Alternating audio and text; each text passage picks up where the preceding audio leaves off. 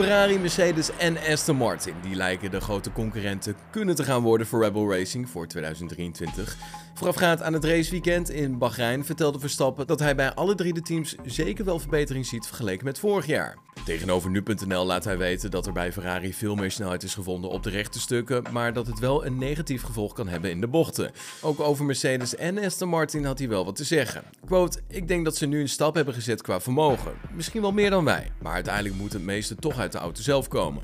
Bij Mercedes hebben ze ook wel weer wat gevonden. Dat is dan onder de noemer betrouwbaarheid. Maar ook daar komen gewoon betere prestaties uit. En ook heeft Max Verstappen gelet op Aston Martin tijdens de testdagen. Quote, als ik naar Fernando Alonso's gezicht kijk en als ik met hem praat, is hij wel redelijk optimistisch. Ja, dat is wel leuk om te zien, want je wil wel meer teams dichter bij elkaar hebben. Al dus Max Verstappen.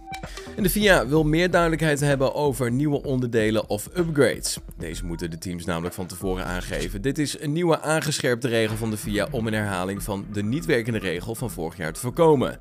2022 kwam er een regel bij over een verplichte mediasessie waarin de pers de aanpassingen konden bekijken en vragen erover konden stellen. De FIA wou toen al dat de 10 teams grote aerodynamische en aan de carrosserie gerelateerde componenten en samenstelling zouden melden voorafgaand aan de vrijdag, de dag waarin het raceweekend geopend wordt met de twee vrije trainingen.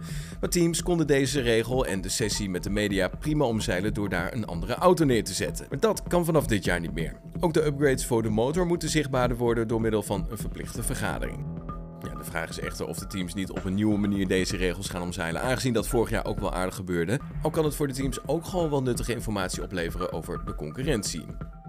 Ja, vandaag gaat het dan eindelijk gebeuren. De eerste officiële sessie van het nieuwe seizoen uh, gaat om half 1 van start met de eerste vrije training.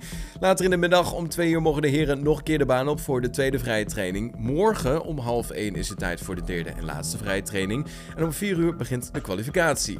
Zondag 5 maart om 4 uur in de middag is het tijd voor de Grand Prix van Bahrein.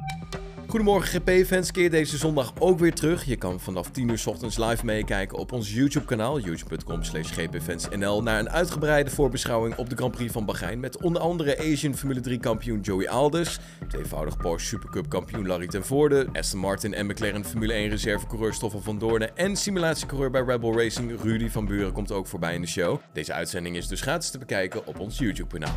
Ja, op de hoogte blijven van het allerlaatste Formule 1 nieuws, vergeet het kanaal dan zeker niet te volgen of check onze website gpfans.com.